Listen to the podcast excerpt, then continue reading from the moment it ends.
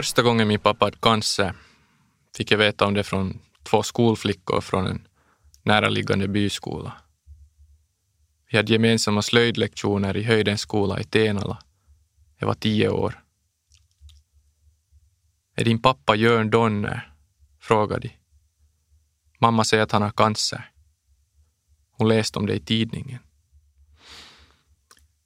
Jag har ofta läst om honom i tidningar, sett honom på TV. Ibland har jag undrat om jag har två pappor. Han i skärmen, Jörn Donner, Jörka, han som alla känner.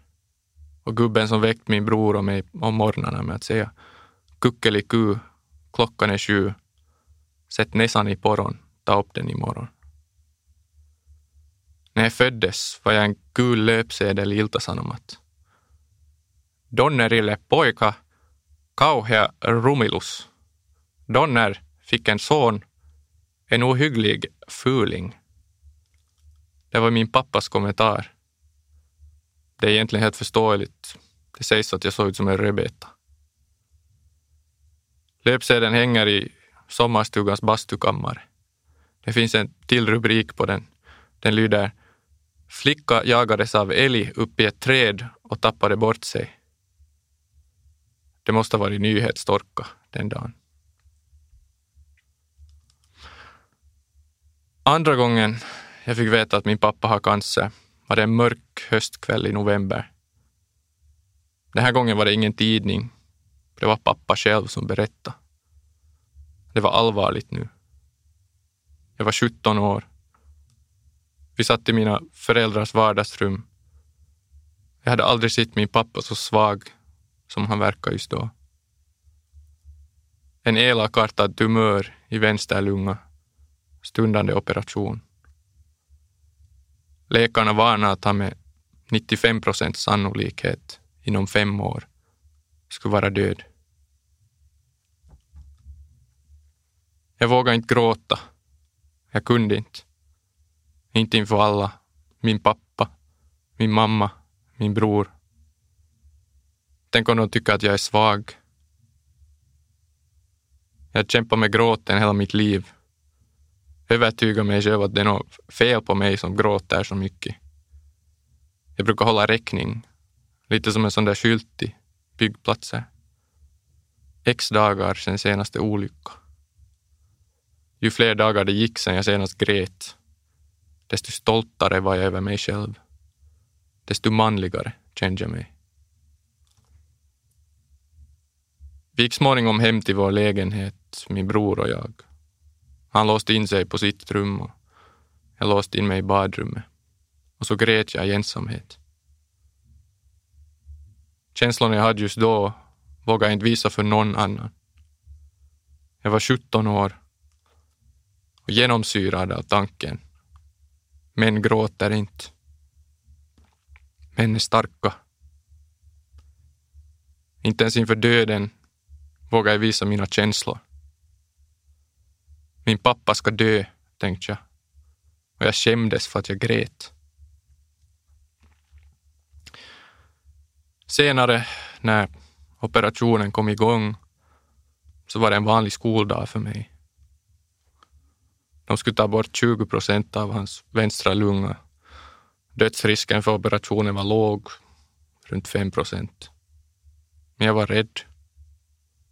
Jag gick i Brände gymnasium i Helsingfors jag satt på lektioner och hela tiden tänkte jag, kanske han redan har dött. Kanske han ligger död på operationsbordet just nu. Jag vågade inte berätta för någon att medan vi satt och löste ekvationer och studerade främmande språk så kämpade min pappa för sitt liv. Och jag var rädd. Det kändes patetiskt att tala om det. Omanligt. Så jag höll mina tankar för mig själv. Idag tänker jag inte längre vara tyst. Mitt namn är Rafa Donner. Jag är en ung, dum och naiv 28-årig författare. Jag är din sommarpratare idag.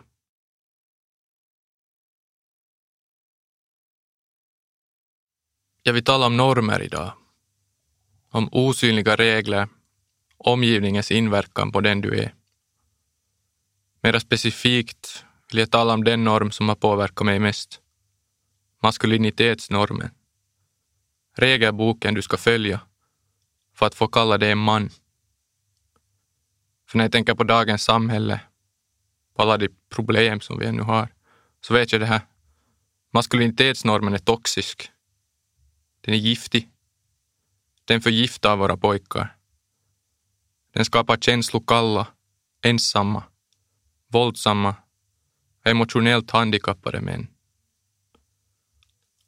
Utstötta unga män är ett problem i Finland. Män som inte har någon att tala med, som inte vågar tala med någon, är ett problem. Män som använder våld är ett problem. Män som inte längre hittar sina egna känslor är ett problem. Som bara kan gråta och känna och låta sig bli rörda när de är fulla. Sexuella trakasserier är ett problem. Men de är bara symptom. Sjukdomen heter manlighet. Maskulinitetsnormen. Den är en regelbok som också fick mig att bli en person som jag inte längre känner igen. Det började när jag var sex år gammal. Vi flyttade då från Los Angeles till Bromarv. Palmalena och limousinerna byttes ut mot barrskogar, åkrar och traktorer. En av mina klasskompisar i Los Angeles var son till sultanen av Brunei, under en tid världens rikaste person. Min mamma säger att jag brukar bära honom på mina axlar. I Bromar fanns det inga sultaner. Det var en helt ny miljö för mig. Min skola i Präskulla, som tyvärr inte längre existerar, hade cirka 30 elever. De flesta av mina klasskompisar hade aldrig varit utomlands. Deras föräldrar var bönder, mekaniker, frisörer, närvårdare, rörmokare, vanligt folk. Och det fanns bara en krets. Vi var tre pojkar i min klass. Det gällde att anpassa sig enligt den härskande normen. Det fanns inga andra alternativ. Jag tror människor underskattar i vilken mån det faktiskt är barn som uppfostrar andra barn. Barnens närmaste och viktigaste förebilder är inte föräldrar eller idrottsstjärnor eller hjältar på filmduken, utan de finns på skolgården. Det var inte mina föräldrar som uppfostrade mig, utan det var barnen i grundskolan. Mina förebilder var de tuffare, äldre pojkarna. Jag försökte passa in. Jag efterapade deras sätt efter att de hade efterapat någon annans sätt. Normen för hur pojkar i Bromarv skulle vara, hur de skulle tänka och göra, smittade av sig på mig.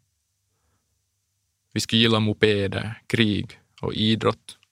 Vi skulle förakta allt som var kvinnligt, behandla flickorna som luft, vara starka hårda, dryga. Vi skulle inte gråta, men jag var tyvärr något av en professionell lipsill. Det är kanske ännu idag. Jag grät under de mest opassliga situationerna, framför alla i klassen, när jag fick ett dåligt betyg. Eller när jag bara kände mig missförstådd eller förfördelad. Det var så ofta som jag grät att jag trodde att alla hade någon hemlighet, något sätt att inte gråta som jag inte känt till. Eftersom gråten alltid börjar från halsen försökte jag med hjälp av olika gurgelövningar få mig själv att sluta gråta. Jag tänkte att gråten är en fysisk handling. Att man helt enkelt kan lära sin kropp att sluta gråta. Jag förstod inte att gråten är människans sätt att hantera nya känslor, bland annat. Att mitt hat mot gråten var ett hat mot mina egna känslor. Det värsta som kunde hända för en pojke var att bli kallad manlighetens motsatsen kärring eller homo. Jag deltog också i den leken. Det var vårt verktyg för att se till att alla pojkar höll sig inom normen. När vi sa att något var kärringaktigt eller bögigt menar vi egentligen det där är inte normalt för män och därför ska du inte göra det. Mumin, bögigt. Harry Potter, bögigt. Att gråta, megabögigt. Det tog länge för mig att se hur hjärntvättad jag blivit själv. Vägen var lång. Jag blev en man. Men jag insåg småningom att i första hand så är jag hellre en människa. När jag var nio år gammal svor jag för mig själv att jag aldrig mera skulle försvara en flicka. Jag hade gråtit igen, flera timmar i sträck. Det var några som hade retats med en flicka på min klass. Jag minns inte längre varför. Allt jag minns är att jag försökt försvara henne och att de sen började retas med mig istället. Mitt sköra ego klarade inte av deras anklagelser om att jag var kär i henne. Jag förstod inte varför de sa sånt. Jag ville ju bara att de skulle lämna henne i fred. Så jag satt ensam i flera timmar, uppe i skolans matsal på andra våningen och grät. Köksan tittade på mig lite besvärat och jag gav mig en saft och en smörgås. Och undermedvetet tänkte jag, det här är sista gången som jag försvarar en flicka. Och när jag tänker på mitt senare agerande mot skolans flickor så kommer jag alltid tillbaka till den här stunden.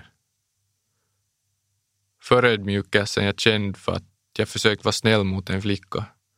Känslan av att jag hade gjort något som inte var normalt. Vi behandlade dem illa i manlighetens namn. Vi ignorerade dem, skrattade åt dem och hånade dem för att de gillade hästar och dockor och allt som vi inte gillade.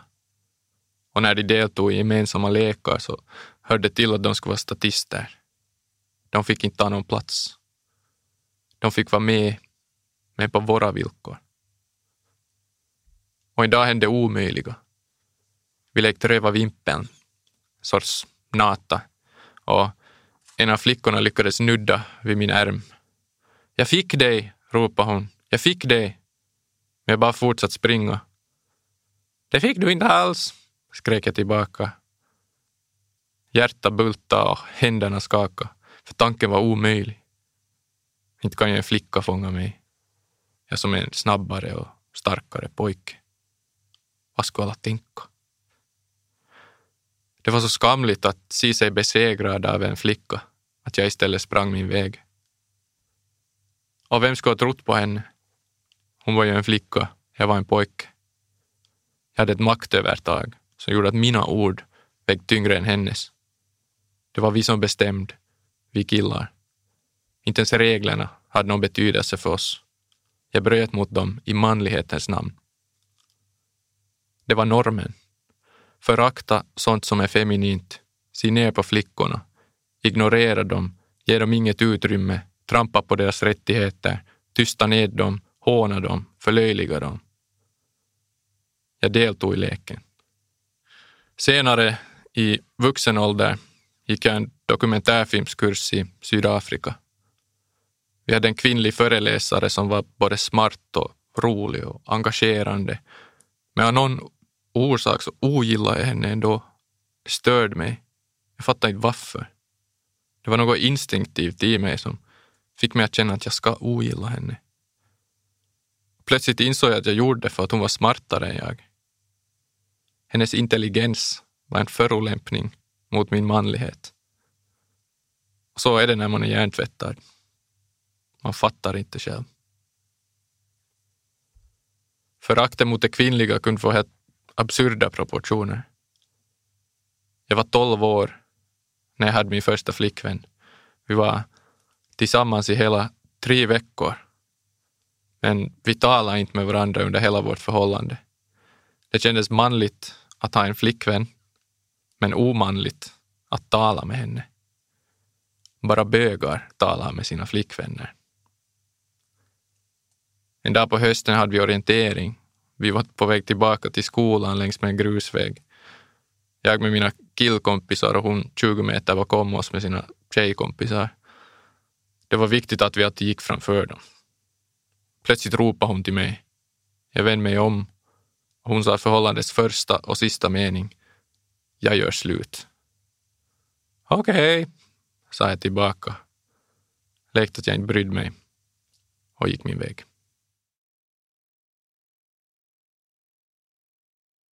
Metoo-rörelsen fick många att inse hur vanligt det är med sexuella trakasserier. Men också att vi har normaliserat dem och tänkt att de liksom hör till. Att en kvinna som dansar i en nattklubb bara får räkna med att hon blir lite tafsad. Att sånt bara händer. Att det är lika bra att acceptera det och gå vidare. Det finns en liknande dynamik när det gäller våld bland män. Vi tänker att det helt enkelt hör till att det ibland blir lite våldsamt. Där tar ändå jämförelserna slut. Det är inte kvinnor som slår män, utan vanligtvis är det män som slår andra män. Jag har blivit slagen och sparkad. Jag har slagit och sparkat fler gånger än jag minns. Som allt annat började på skolgården. Pojkar som kämpade för att vara gårdens alfahanne. Vi brottades, vi slogs, snödde, sparkade och rev. Jag minns hur jag själv på sexan använde min storlek för att underkuva de yngre. Hur manlig jag kände mig när någon på fyran eller trean låg på backen under min vikt. När jag sen flyttade till högstadieskolan i Tenala, då var det min tur. Det var nästan dagligen som någon av de äldre pojkarna gjorde något åt oss. Det hör till.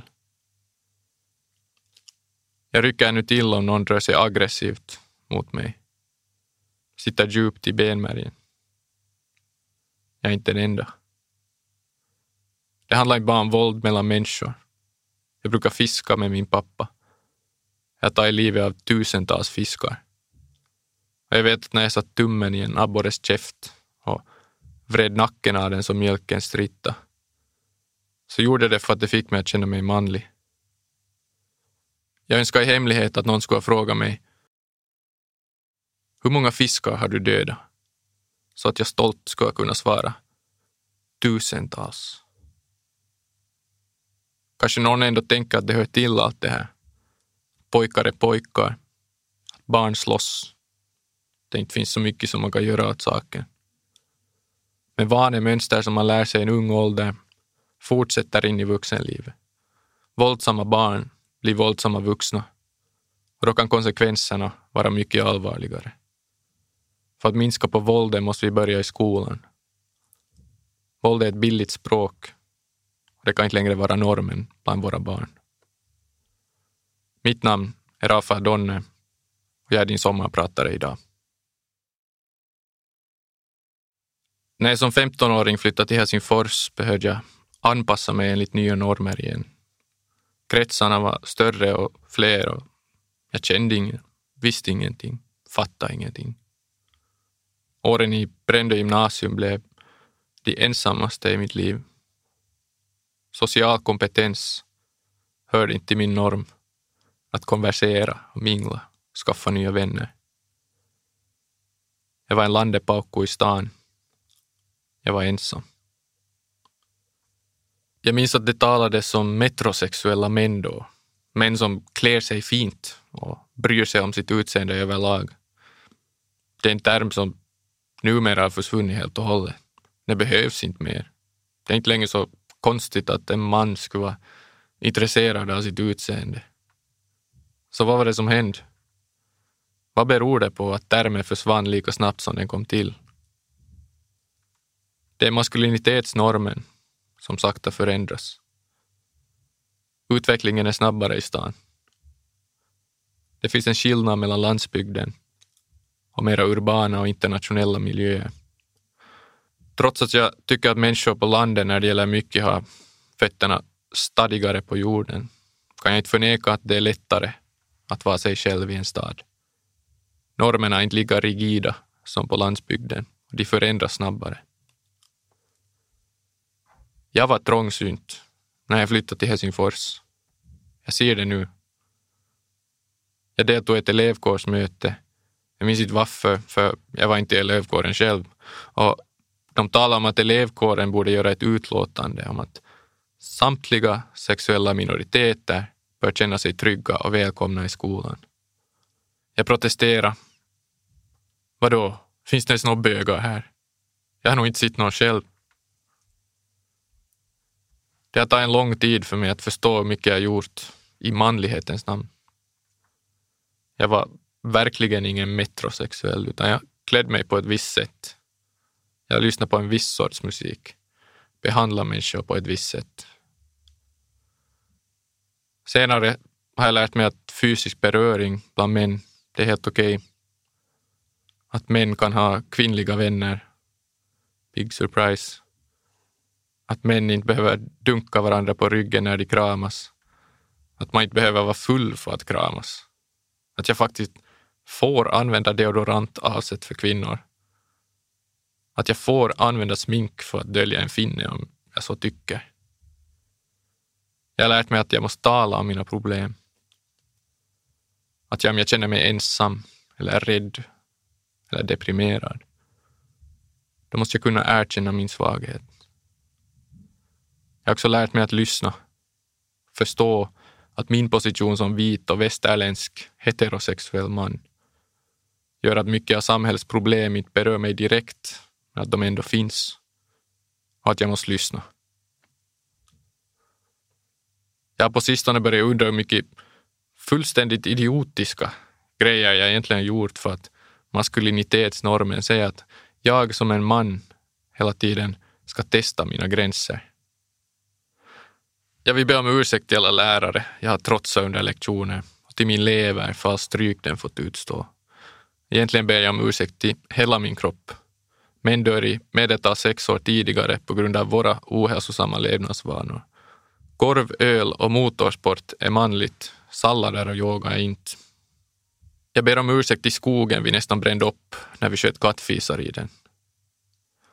Jag ber om ursäkt till alla människor och djur som jag behandlar illa för att jag ska ha kunnat känna mig som en man. I vår har jag haft det tungt, riktigt tungt. Jag har varit chefredaktör för Studentbladet på heltid samtidigt som jag haft ett 50-tal uppträdanden och intervjuer skrivit på min andra bok som kommer ut i höst. Jag har kollapsat flera gånger. Lidit av sömnbrist, utmattning. Jag har magrats, haft ångestattacker. Enligt maskulinitetsnormen borde jag ha hållit käften. Jag borde ha gråtit i badrummet, som jag gjorde när pappa hade cancer. Jag borde ha lidit i ensamhet, aldrig talat om mina problem. Men jag har lärt mig att vi alla sist och slutligen är svaga. Vi har alla våra problem. Det är bara tillsammans som vi klarar av att behandla dem. Tack vare andra människor har jag överlevt. Följande låt är dedikerad till mitt 16-åriga jag som slutade lyssna på sitt favoritband Coldplay för att han blev tillsagd att det är runkmusik för bögar. Köttets pris går inte att mäta i pengar. Det egentliga priset är att någon måste döda och att någon måste dö. En gång i tiden ville jag ha kött så mycket att jag ströp en tupp med mina bara händer. Jag var i Nya Zeeland på en sex månaders work and travel. Min kompis och jag, vi reste omkring på norra ön i en röd Mitsubishi som vi hade köpt för en billig penning. Vi närmade oss slutet på vår resa. Vi hade ont om pengar. Vi sov oftast i bilen eller så tältade vi. Vi åt nudlar och bönor från vårt lilla fältkök. Bilen läckte kylarvätska från topplockspackningen. Det var för dyrt att reparera, så istället fyllde vi på med vatten två gånger i timmen och hoppades på att vår skrothög skulle klara sig till resans slut. En gång när vi stannade för att fylla på vatten i bilen stötte vi på några vilda tuppar.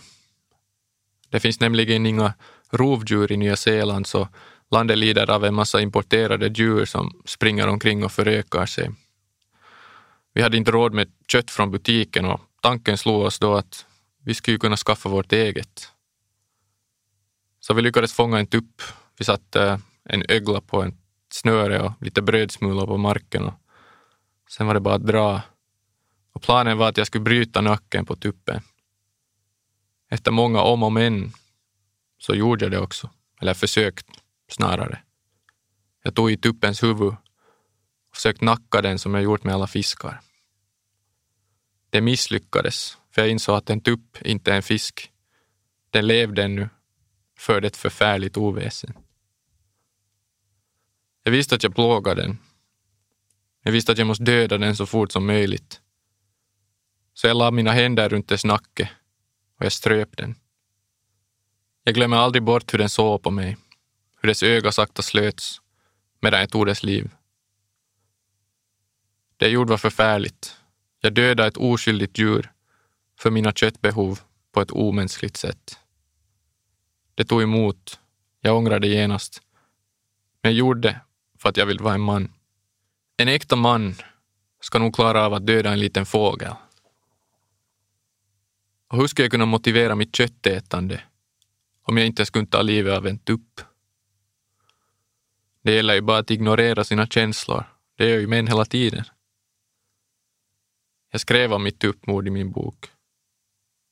Jag gav kapitlet namnet Skam. Jag har ett avtal med Haran. Han äter inte min mat och jag äter inte hans, brukar man säga i Tenala.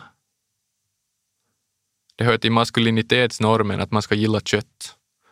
Ju fler köttsorter på en pizza, desto manligare är den. Tosimies pizza. Så många döda djur som möjligt. Jag tänker ofta på den där tuppen. Jag har så gott som slutat äta kött nu av många orsaker. Men främst för att köttets pris är att någon måste döda och att någon måste dö. Förra hösten slaktade jag ett dussin lamm med bultpistol i pannan och ett snitt i halsen. Trots att det var mera mänskligt så tog det emot. Men jag gjorde det för att jag inte skulle kunna äta kött om jag inte är villig att betala dess pris. Jag beundrar veganer. Men jag tycker också att döden hör till livet. Det betyder ändå inte att vi ska förstöra vår planet i köttets namn. Eller att vi ska äta och döda i manlighetens namn. Kött ska vara en lyxprodukt, för den har ett dyrt pris. Någon måste döda och någon måste dö. I juli 2016 körde jag längs med en öde grusväg norr om Tornio. Jag sökte visuellt intressanta inspelningsplatser för dokumentärfilmen Perkele 2.